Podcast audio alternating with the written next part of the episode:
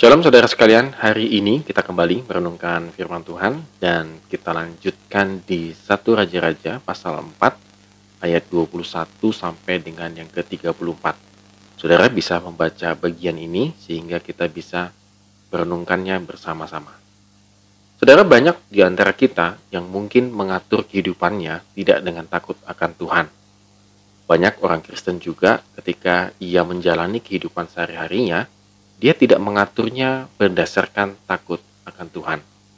Misalnya, tidak serius dalam kuliah dan juga sekolah. Ada begitu banyak pemuda dan remaja mungkin pada masa-masa sekolahnya dahulu tidak serius, menganggap enteng ataupun malas-malasan.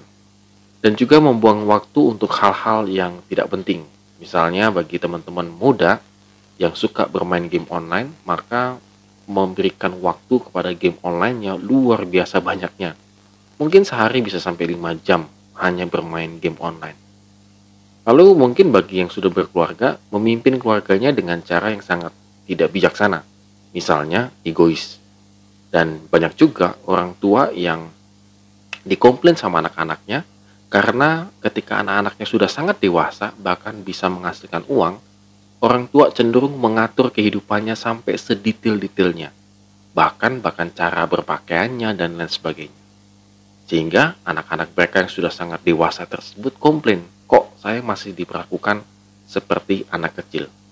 Saudara, hal-hal ini menunjukkan bahwa kita ini kurang bisa mengatur kehidupan kita berdasarkan hikmat akan Tuhan.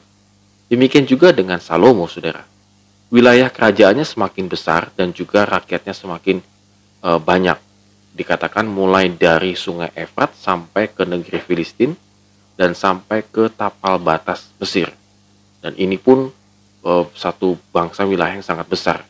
Dan semua bangsa-bangsa lain, tidak hanya di wilayah itu saja, itu memberikan upeti kepada Salomo seumur hidup mereka. Karena apa? Karena Salomo memberikan banyak sekali hikmat-hikmat dan mereka kagum dan mereka siap untuk di bawah kepemimpinan Salomo. Mengapa eh, Salomo bisa mendapatkan hikmat sedemikian rupa? Karena memang betul ini semua adalah dari Tuhan semata-mata. Akibatnya dia bisa mengatur kerajaannya sedemikian hebatnya. Bahkan boleh dikatakan kedamaian itu melingkupi seluruh negeri Israel. Di ayat yang ke-25. Sehingga orang Yehuda dan orang Israel diam dengan tentram, masing-masing di bawah pohon anggur dan pohon aranya, dari Dan sampai Beersheba seumur hidup Salomo.